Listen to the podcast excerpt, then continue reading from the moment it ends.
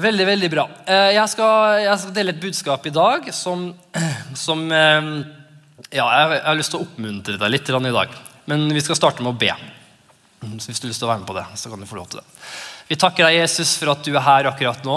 Vi bare åpner oss opp for det du har å si til oss i dag.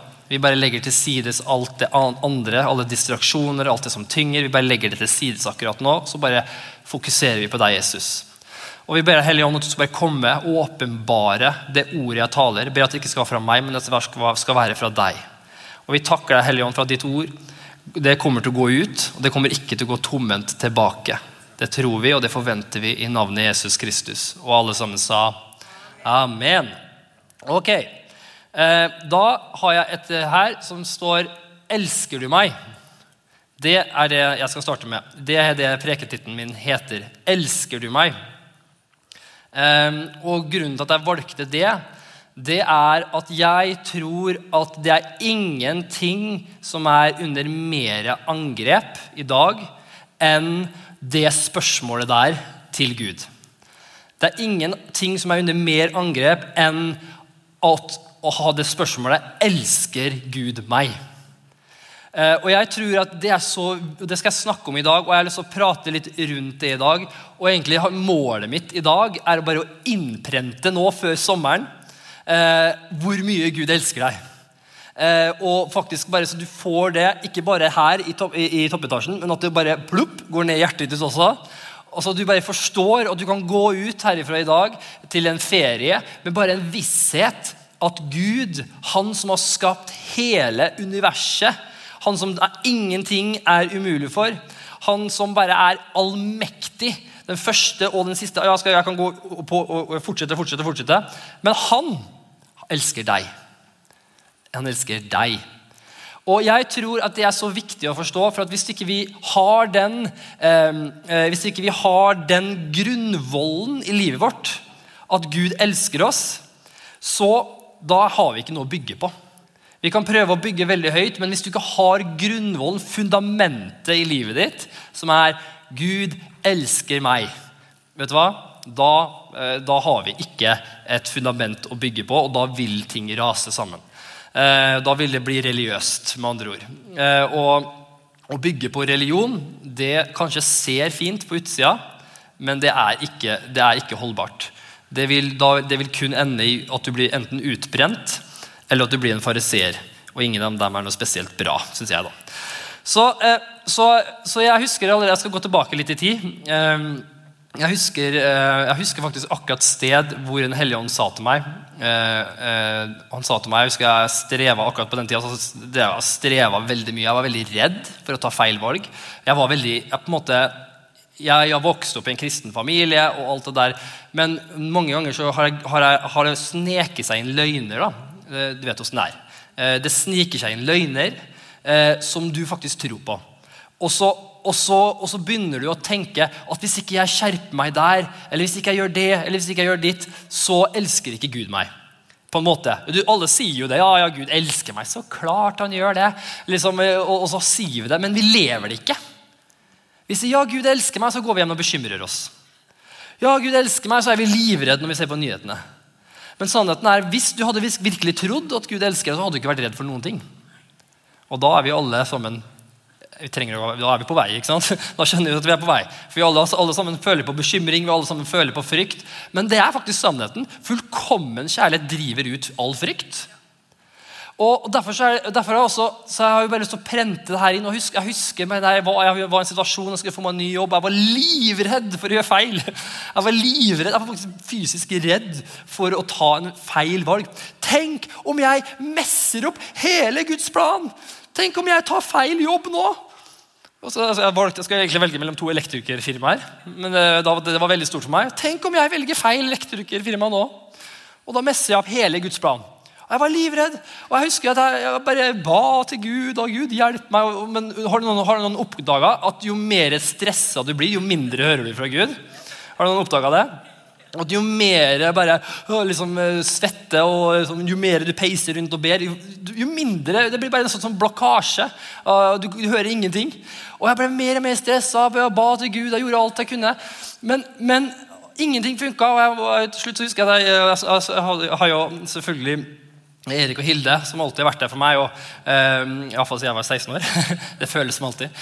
Uh, og Jeg husker jeg gikk til dem og snakka med dem. og uh, med dem. Jeg husker jeg bare sa til dem men det er ikke så nøye. Gud har en plan, men, men det sank ikke helt inn. Liksom, ja, ok, ja, ja, har ikke det, men jeg kan messe opp alt. Liksom, tenk, hvis jeg tar den jobben der nå, og så, og så, skulle egentlig Gud ha noen andre der som jeg skal vitne til, og så, og så, får ikke de hørt om Jesus pga. meg, og så, og så går de rundt og så raner de en bank. og så, Nei, jeg, jeg tenkte ikke så langt. Men du, jeg var bare et eksempel, da. Men vi, vi, vi liksom skaper en stor greie ut av det. Og, den, og, hva er det som ligger i bunnen? Jo, det er religiøsitet som ligger i, bunnen. En løgn av religiøsitet. At vi må komme til en destinasjon. Eh, og at vi må komme til et sted. Og hvis ikke, vi, hvis ikke vi gjør alt perfekt i livet vårt, da kan ikke Gud bruke oss. Og, men da jeg lærte meg, så husker jeg gikk, jeg, akkurat, jeg husker akkurat nøyaktig hvor jeg gikk. Jeg gikk utafor eh, der vi hadde en leilighet på Bråtengata. Jeg husker jeg bare gikk, eh, jeg pleide å gå tur med Gud eh, og be. Så hvis du så meg gå rundt på Jeløya og snakke med meg sjøl, så vet du hvorfor nå. Eh, du trodde kanskje jeg var gæren, men nei, jeg snakka med Gud. og, og, og det, sånn, da husker Jeg gikk rundt, og husker jeg bare Gud sa til meg, det Hellige sa til meg, når jeg mener si til meg, så, så, ofte som han snakker til meg, så kjenner jeg bare at han, den, jeg kaller det den indre stemme. At det, det, føles, det, kan, det, kan, virke nesten som tanke, men du kjenner at det er noe mer enn tanke. Du kjenner at det er fra Gud. og, og da sa han til meg, Kenneth, du, elsker, du, tror ikke at jeg elsker deg, sa han til meg. Du tror ikke at jeg elsker deg. Jeg bare Hæ? Jeg peker jo om at Gud elsker folk. Liksom, jeg, jeg, selvfølgelig tror jeg det. Nei, det tror du ikke. Og Da begynte det en reise for meg å bare begynne å fylle meg opp i Guds ord. Bare finne bibelvers i Guds ord hvor mye Gud elska meg. Og Jeg husker jeg begynte å fylle meg med det, se på det. og Jeg bare begynte, jeg husker jeg ble overraska mange ganger så leser vi bibelvers, og så har vi bare et sånn religiøst filter på. For mange ganger De mest kjente bibelversene er jo mest, mest fantastiske bibelvers, men vi har et sånt religiøst filter på, så vi får det ikke inn i hjertet. Så begynte jeg å lese Guds ord. bare lese, Wow! Han faktisk elsker meg! Wow! Han er faktisk en pappa som faktisk har tatt ansvaret for meg. Og elsker meg betyr ikke 'jeg elsker deg'. Lykke til. Det er ikke, det er ikke å elske. Han har tatt ansvar, han har tatt foreldreansvaret for meg. Jeg er hans sønn nå. Jeg trenger ikke å bekymre meg for noen ting. Jeg trenger ikke å bekymre meg for helsa mi, for pengene mine. Jeg trenger ikke å bekymre meg for barna mine. Jeg kan faktisk bare hvile i han. Og stole på han. For han er pappaen min. Og hvis, du, og hvis du, leser Bibelen, så kan du se at alle navn jeg skal, jeg skal ikke ta den prekenen nå, men alle Guds navn, for Gud så har masse navn. Alle hans navn blir oppfylt i det, i det navnet pappa. Alt hva Gud er, blir oppfylt i ordet 'pappa'. Og han er din pappa. Har du sagt ja til Jesus, så er han din pappa. Har du ikke sagt ja til Jesus, så vil han bli din pappa. Og det som er så fantastisk er at Når du sier ja til ham, så har du egentlig ingenting å bekymre deg for lenger. Og ingenting å være redd for. Faktisk så har du ikke det. Det fins ingen krefter i denne verden som kan skille deg fra Guds kjærlighet. Det fins ingenting der ute, politisk, kriger, pandemier Det fins ikke som kan faktisk gjøre at Gud ikke kan fikse den situasjonen du er i, eller gjøre hva enn han trenger å gjøre. Det fins ikke. Han har kontroll, han, og han elsker deg. Han kan, og han vil. Det var som, det var som han fyren som var lam.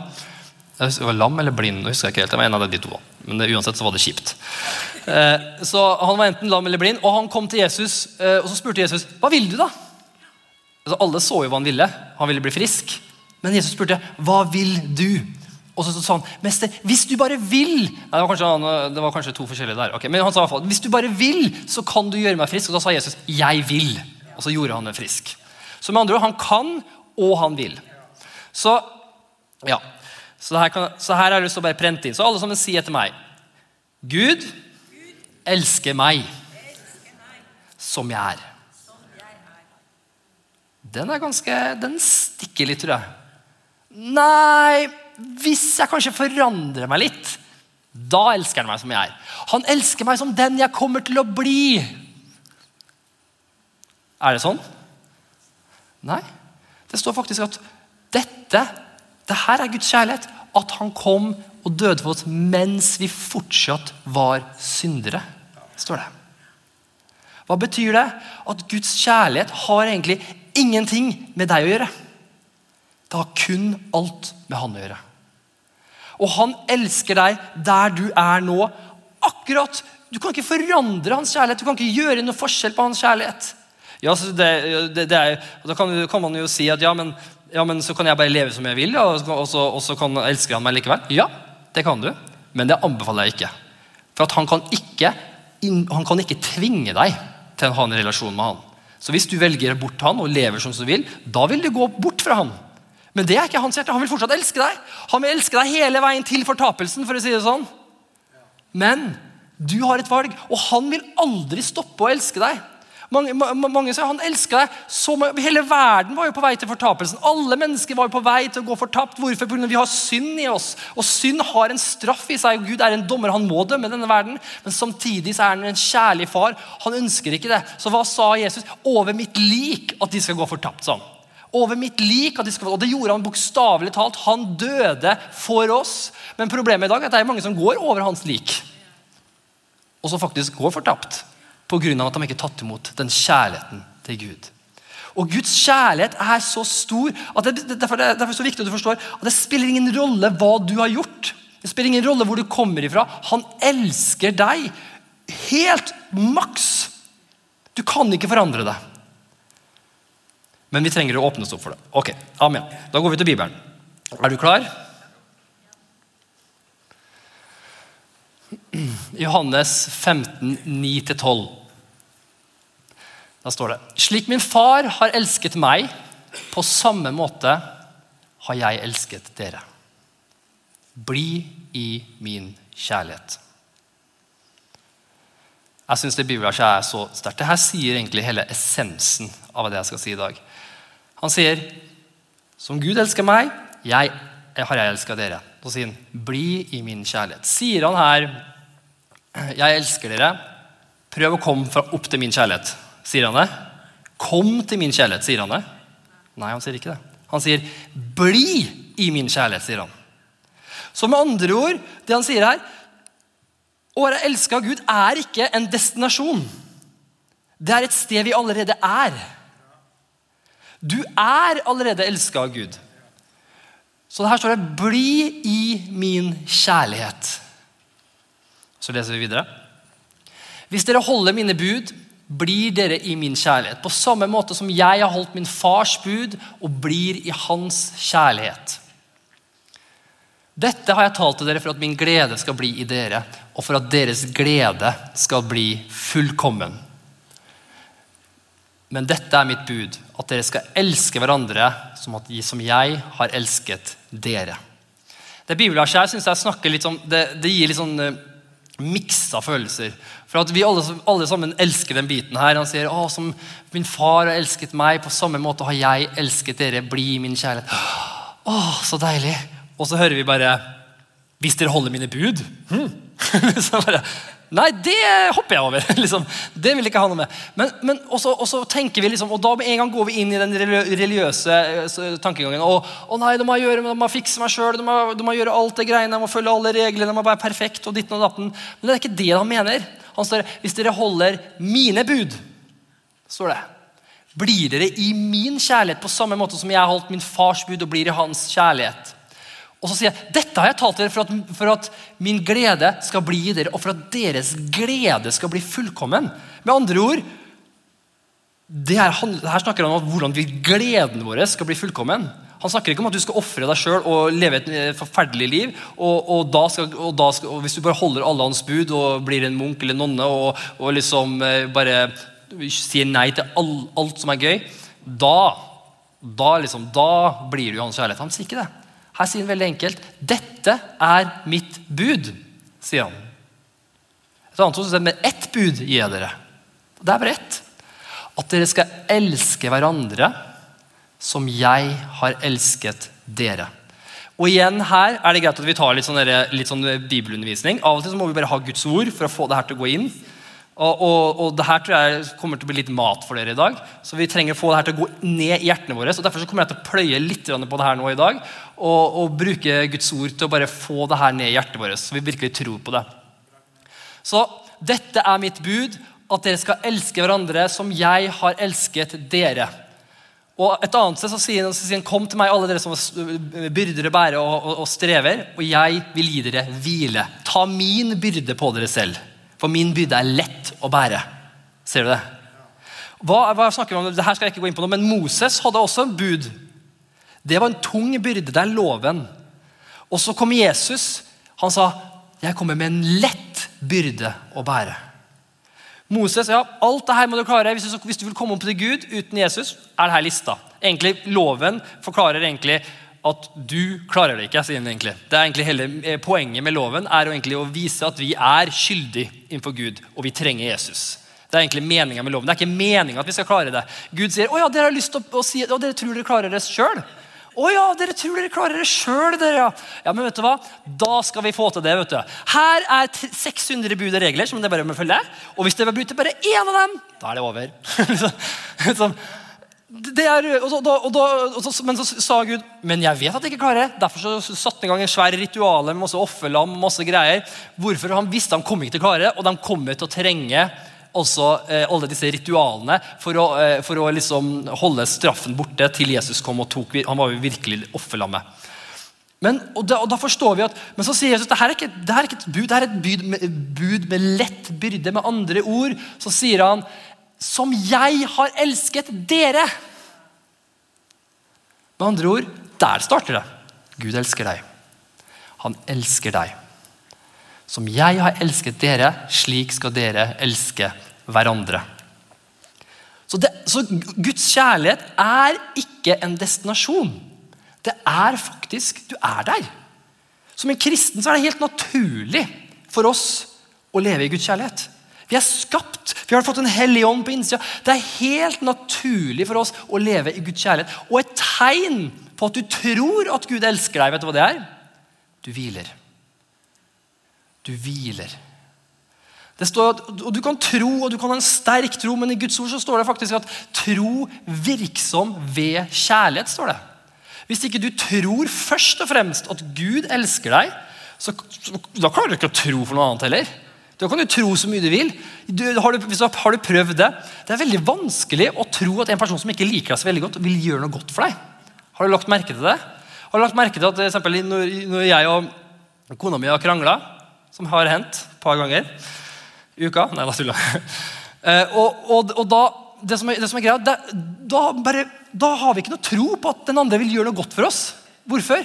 For at, vi, for at vi, vi, føler at vi har gjort noe dårlig mot dem. Vi har sagt noe som vi ikke burde ha sagt. vi har gjort ting, og hvorfor, Da mister vi hele tilliten til at faktisk de har lyst til å gjøre noe godt tilbake til oss. Hvorfor?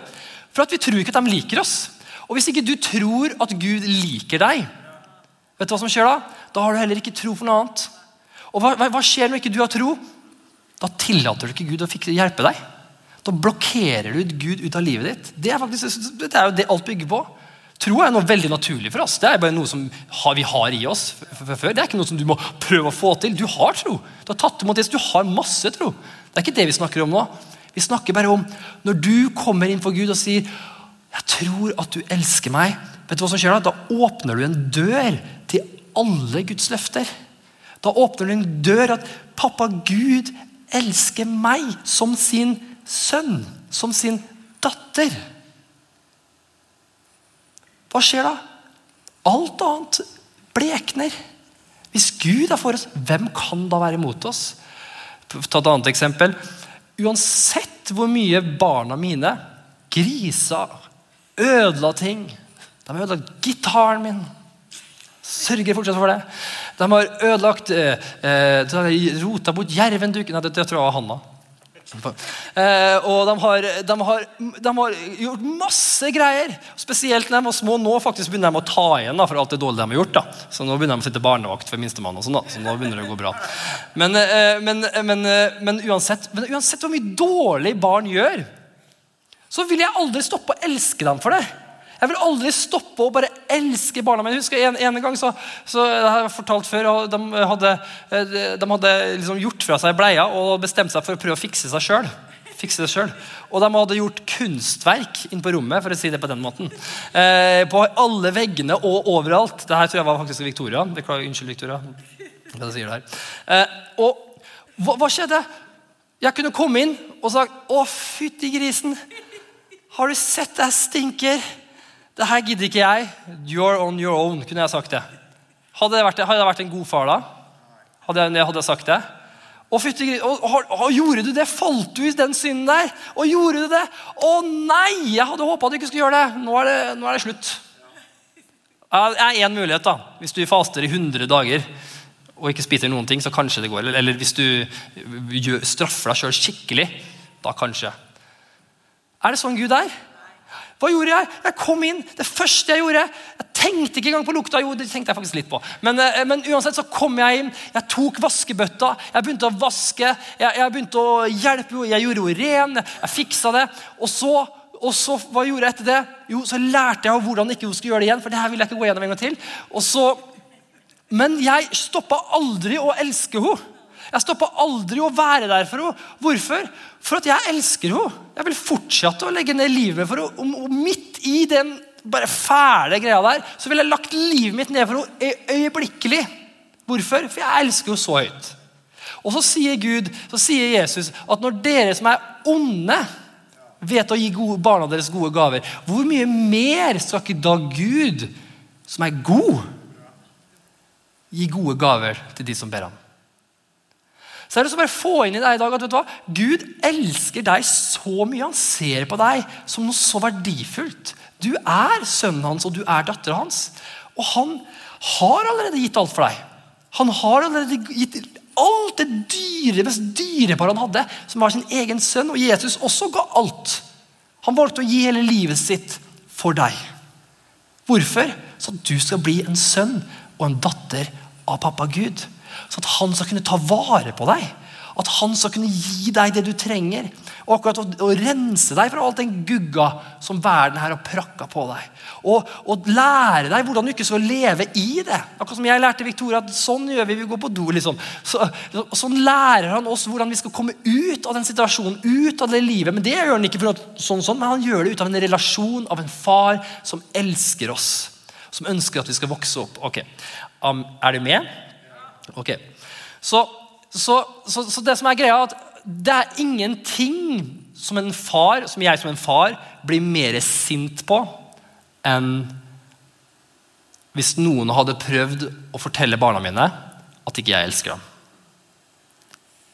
Alle som, har, alle som har barn, vil forstå det.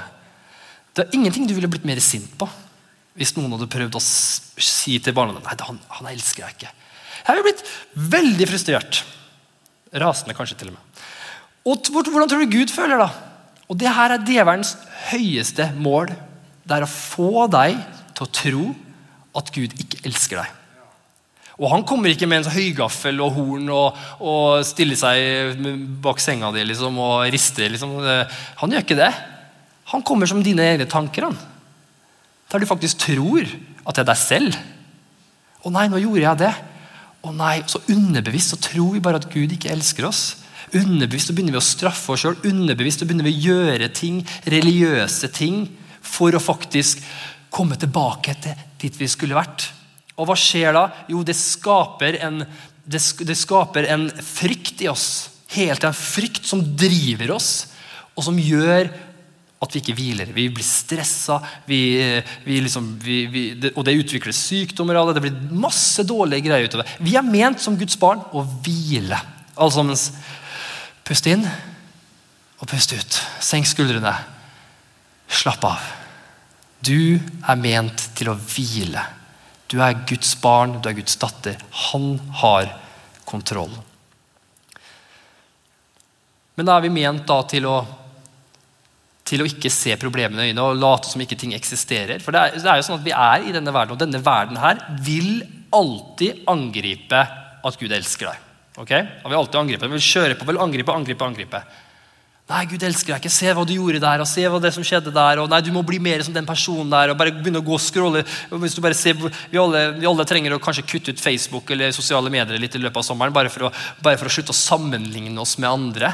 For at Bare det er en ting som djevelen bruker som løgner. og sier, at se på den personen her, De har alt sammen bra. De har barna sine, orden på barna sine, og de er barna er kristne, eller ditten, og de får dra på ferieturer. og det, og det, Sånn kunne jeg ønske jeg kunne vært. og ditten og datten, og Hva skjer da? Begynner du å sammenligne deg selv med andre.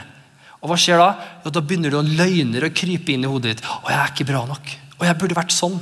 Å nei, jeg burde hatt så mye penger. Og jeg burde gjort det.' Jeg har lært meg at ordet 'burde' det er ikke fra Gud. Når jeg hører ordet 'burde' i tankene mine, så sier jeg nei. Det stemmer ikke. Gud kommer aldri med 'burde'. Han sier, 'Vet du hva, jeg elsker deg. Jeg har noe for deg.' 'Jeg elsker deg så mye. vet du hva, vet du hva, det her trenger å forandres. vet du hva, det her kommer til å bli så bra.' Han sier ikke 'du burde'. Det er skam i det. Du kommer med noen ting som ikke er bra. Men problemet er at vi er allerede i Guds kjærlighet. Han sier her, han, hva, er, hva er hele greia? Han sier, Jesus sier 'Bli i min kjærlighet', sier han. Ja, vi er i denne verden. Hva er, hva er, det Jesus sier? Han sier 'bli i min kjærlighet'. Ikke prøv å komme til min kjærlighet. Da lever du i en løgn. Da er det en løgn du tror på, som ikke er sant. Han sier 'bli i min kjærlighet'. Hva med andre ord? Er du en kristen? Har du sagt ja til Jesus? Da er du allerede i Guds kjærlighet. Alle Guds løfter er ja og amen i Jesus Kristus. Alt er ditt. Alt er ditt allerede. Du har allerede fått alt du trenger.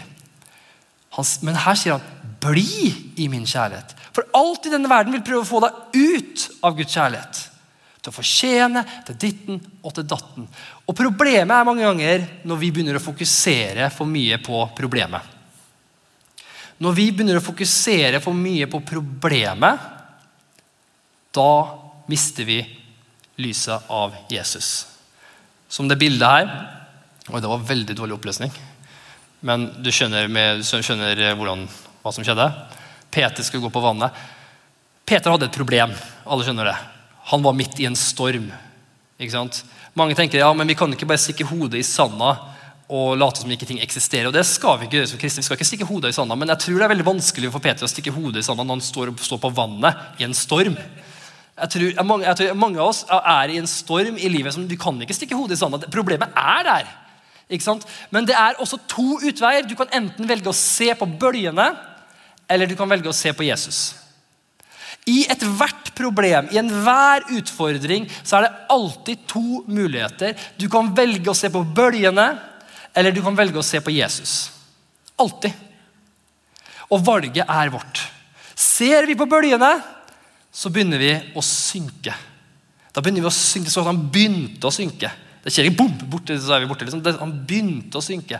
Ser vi på bølgene, så begynner denne verdens bekymringer, måten å tenke på, å dra oss sakte, men sikkert ned. Ser vi på Jesus, så kan vi gå over stormen.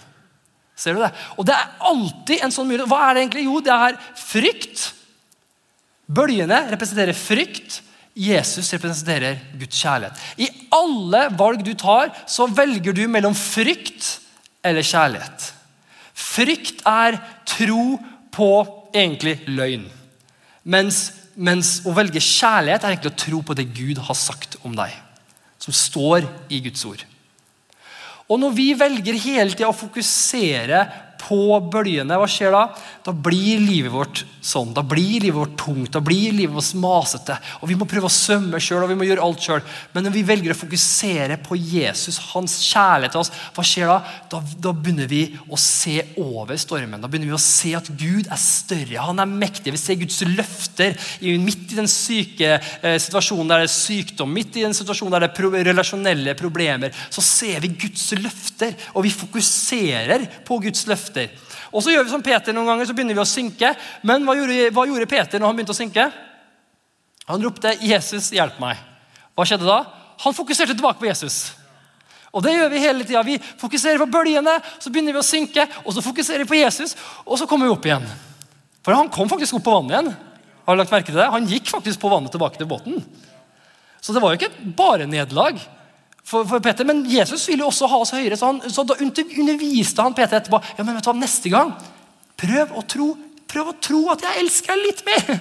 Prøv å tro at jeg er der litt mer. Hvorfor? Ikke som en fy-fy, men bare pga. at han vil at vi skal komme til et høyere sted. Han vil også at vi skal bli brukt enda sterkere av ham. Så, så med andre ord, fokuser på Guds kjærlighet. Fokuser på hvor mye han elsker deg, ikke fokuser bare på frykten og det som skjer i livet ditt. For vi er midt i det. Alle her har gått gjennom ting som ikke er bra. Alle her har gått gjennom ting som, som er tøft, som er vanskelig, der du føler at vet du hva, det her ser nesten umulig ut. Det er en storm. Det er sånn stormer er. Men i, uansett hvor umulig din situasjon ser ut, så kan du fokusere på Jesus, eller du kan fokusere på bølgene. Det er en realitet. Amen. Får du noe ut av det her?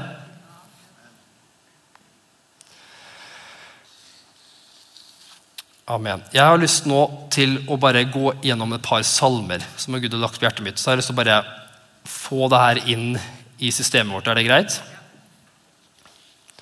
Og nå er Første salmen jeg har lyst til å gå gjennom, er salme 23. Den, da, den har jeg aldri hørt om, kan du si. da. Salme 23. det er en, det er liksom, Mange ganger så er de mest kjente salmene ofte kanskje de mest dype og kanskje noe som har vært mest innholdsrike. Alt Guds ord er jo dypt og uh, fantastisk, men noen av de mest kjente her kan jo ofte være, i hvert fall hva jeg opplevde, er noe av det mest virkelig det som kanskje kan gi oss mest noen ganger. Hvorfor? Fordi det er så mange mennesker som har fått det, men mange ganger så har vi blitt vokst opp med disse salmene, og da ser vi ikke helt liksom, eh, Da ser vi bare med religiøse øyne, men vi ser ikke hva Gud har lyst til å si til oss gjennom salmene. Så jeg tror jeg skal lese to salmer for dere nå. Og jeg tror virkelig at Gud egentlig bruker de salmene her til å fortelle deg hvor mye han elsker deg. Og forteller deg ikke bare at han elsker deg. Mange mange ganger så hører vi at Gud elsker deg. ha det bra. Men han forteller deg hvordan han elsker deg. Da leser vi Salme 23, 1-6. Må drikke en slurk vann først. Der står det Herren er min hyrde, jeg mangler ingenting. Så jeg har lyst til å bare ta den i Jeg kommer til å hoppe litt fram og tilbake til en annen oversettelse. Den er på engelsk. The Passion Translation. Jeg syns også den sier det så bra. Jeg sier den også The Lord is my best friend and my shepherd. I always have more than enough. Herren er min hyrde, jeg mangler ingenting. Han lar meg ligge på grønne enger. Han leder meg til hvilens vann. Han fornyer min sjel og leder meg på rettferdighetens stier for sitt navns skyld. Ja, selv om jeg vandrer gjennom dødsskyggens dal, skal jeg ikke frykte for noe ondt, for du er med meg, med din kjepp og din stav. De trøster meg. Du dekker bord for, eh, for meg framfor mine fiender. Du salver mitt hode med olje. Mitt beger flyter over. Sannelig, bare godhet og miskunnhet skal etterjage meg alle mitt livs dager, og jeg skal bo i Herrens hus til evig tid. Kan lovsangerne komme opp, så skal vi begynne å avslutte.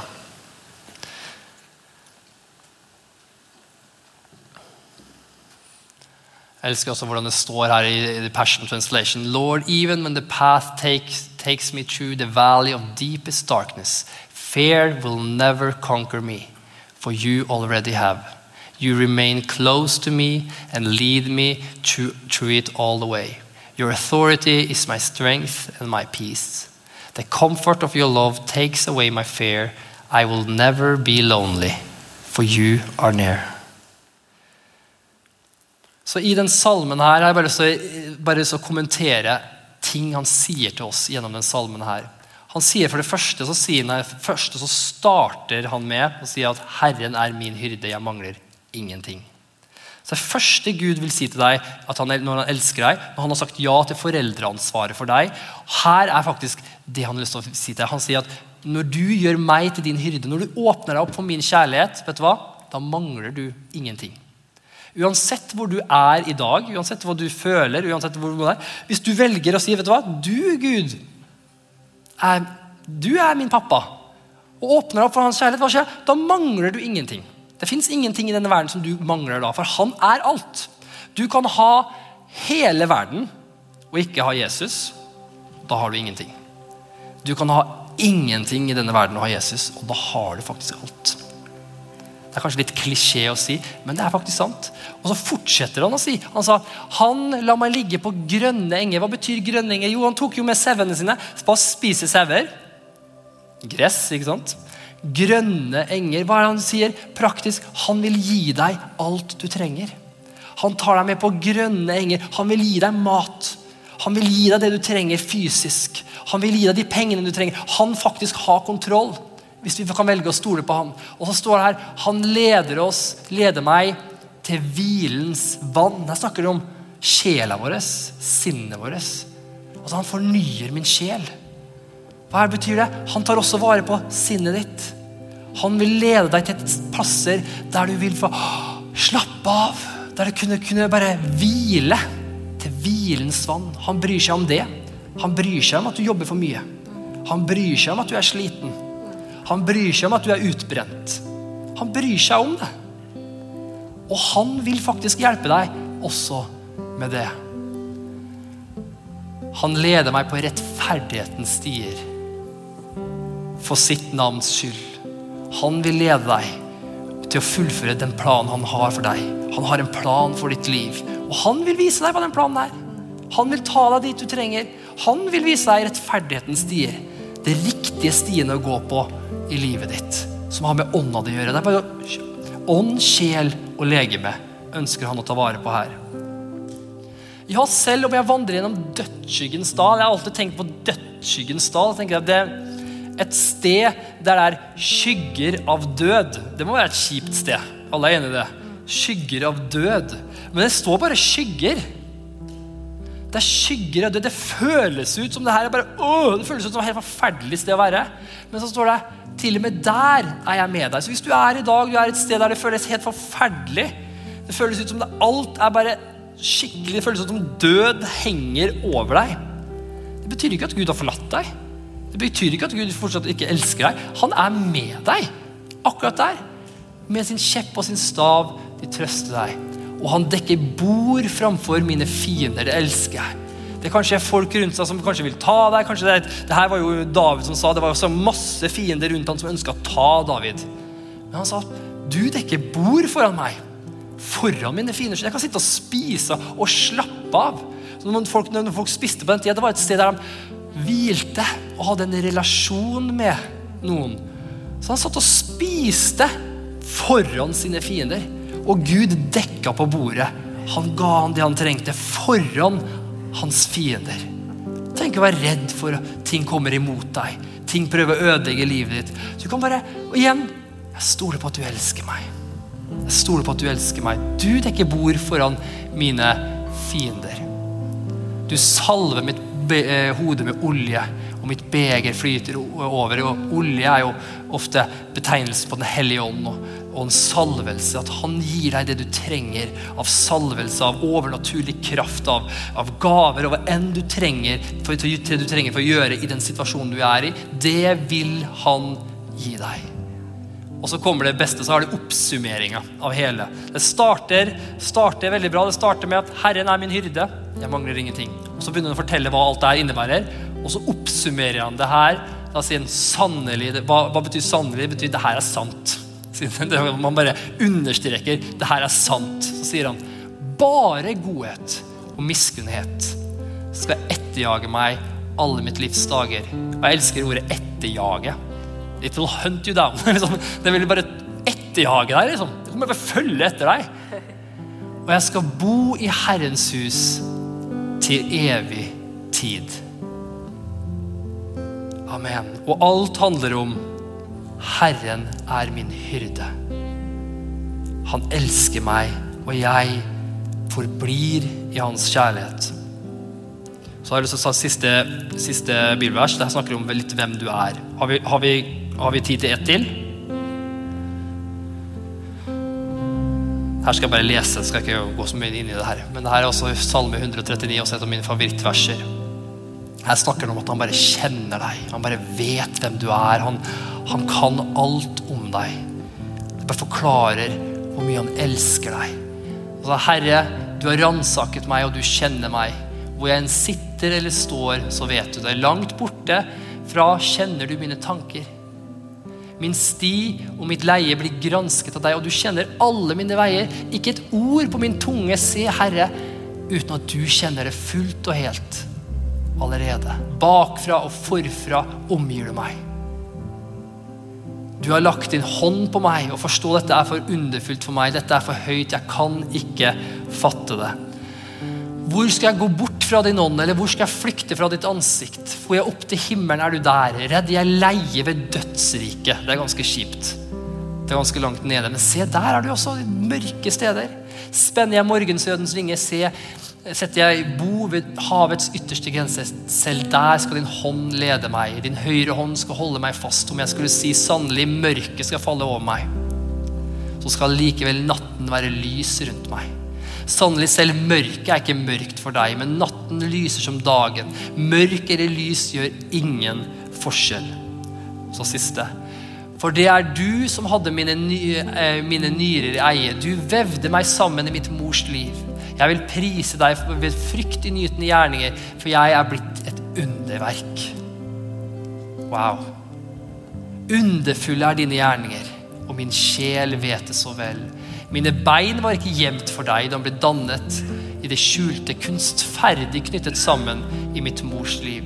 Som et foster så dine øyne meg. I din bok var de alle skrevet ned, de dager som var fastlagt for meg, før en eneste en av dem var kommet. Så med andre ord, elsker Gud meg? Ja, det gjør han. Han elska deg allerede før du var født. Han hadde planlagt deg. Han hadde allerede han står at han forma deg i ditt mors liv. Han hadde skrevet ned alle tanker, alt det fantastiske han har for deg. Han elsker deg akkurat som du er, og han vil ta deg dit du trenger å være. Du trenger ikke gå noe sted for å finne Guds kjærlighet, for den er allerede akkurat der du er. Skal vi alle sammen reise oss opp, så skal vi be sammen. takke deg, pappa Gud, for at du er her akkurat nå. Jeg takker deg, far, for at du har talt du har talt nå gjennom også ditt ord. Og gjennom meg, far. Og jeg takker deg, Jesus, for at du kom ned til denne verden her. Du blei som til synd for oss. For grunn av at du har sagt at så høyt elsket du verden at du ga din sønn den enbårne for at hver den som tror på han ikke skal gå fortapt, men ha evig liv. Og Vi takker deg for det i dag. far. Jeg takker deg for, for eneste person som står i den salen her, alle personer, eneste person som hører min røst på podkast eller på TV. Så ber jeg, for, jeg ber deg for hver eneste person, far. Jeg ber deg for hver eneste løgn, far, som har sneket seg inn, som sier at jeg er ikke elska av Gud. Enhver løgn som får deg til å fortjene ting, til å prøve å, å komme til et sted der du er elska av Gud, den bryter jeg akkurat nå i navnet Jesus Kristus. Og Helligånd, jeg bare ber at du skal bare gå inn i ethvert sinn akkurat nå og bare åpenbare for enhver person hvilke løgner de tror på angående din kjærlighet. For du vil ønske å si til mennesket at 'jeg elsker deg'. Jeg har skapt deg, og jeg har velbehag med deg. Jeg smiler over deg når jeg ser deg. Og ingenting kan skille det skille deg fra min kjærlighet. Jeg elsker deg så utrolig høyt. Og Jeg bare ber deg også for den sommeren som kommer nå, far. Jeg ber deg for den ti ting vi går igjennom. Jeg ber deg for alle sammen. Jeg ber deg at du skal bare bygge det fundamentet i oss i løpet av den sommeren her. Ber at du skal bygge det fundamentet av din kjærlighet. Og at vi kan bare vite i enhver ting vi går inn i, når vi går inn i utfordrende situasjoner, eller bare ligger på stranda, eller uansett hvor vi er så kan vi bare si til oss sjøl Ja, men du elsker jo meg. Ja, men du elsker jo meg. Og jeg stoler på deg. Og vi stoler på deg fra bunnen av våre hjerter. I navnet Jesus Kristus. Amen. Skal vi bare synge litt til Gud, så kommer Erik straks og avslutter. Tusen takk for at du tuna inn og at du var sammen med oss på dette programmet. Vi håper det var til hjelp og til oppmuntring i din hverdag. Dersom du ønsker å ta kontakt med oss, kan du gjøre det via nettsida vår, østfoldkirken.no. Og vi setter veldig pris på å få tilbakemeldinger dersom det programmet her har vært oppmuntring for det, eller til hjelp for det. Så setter vi stor pris på å høre det. Ha en velsigna uke.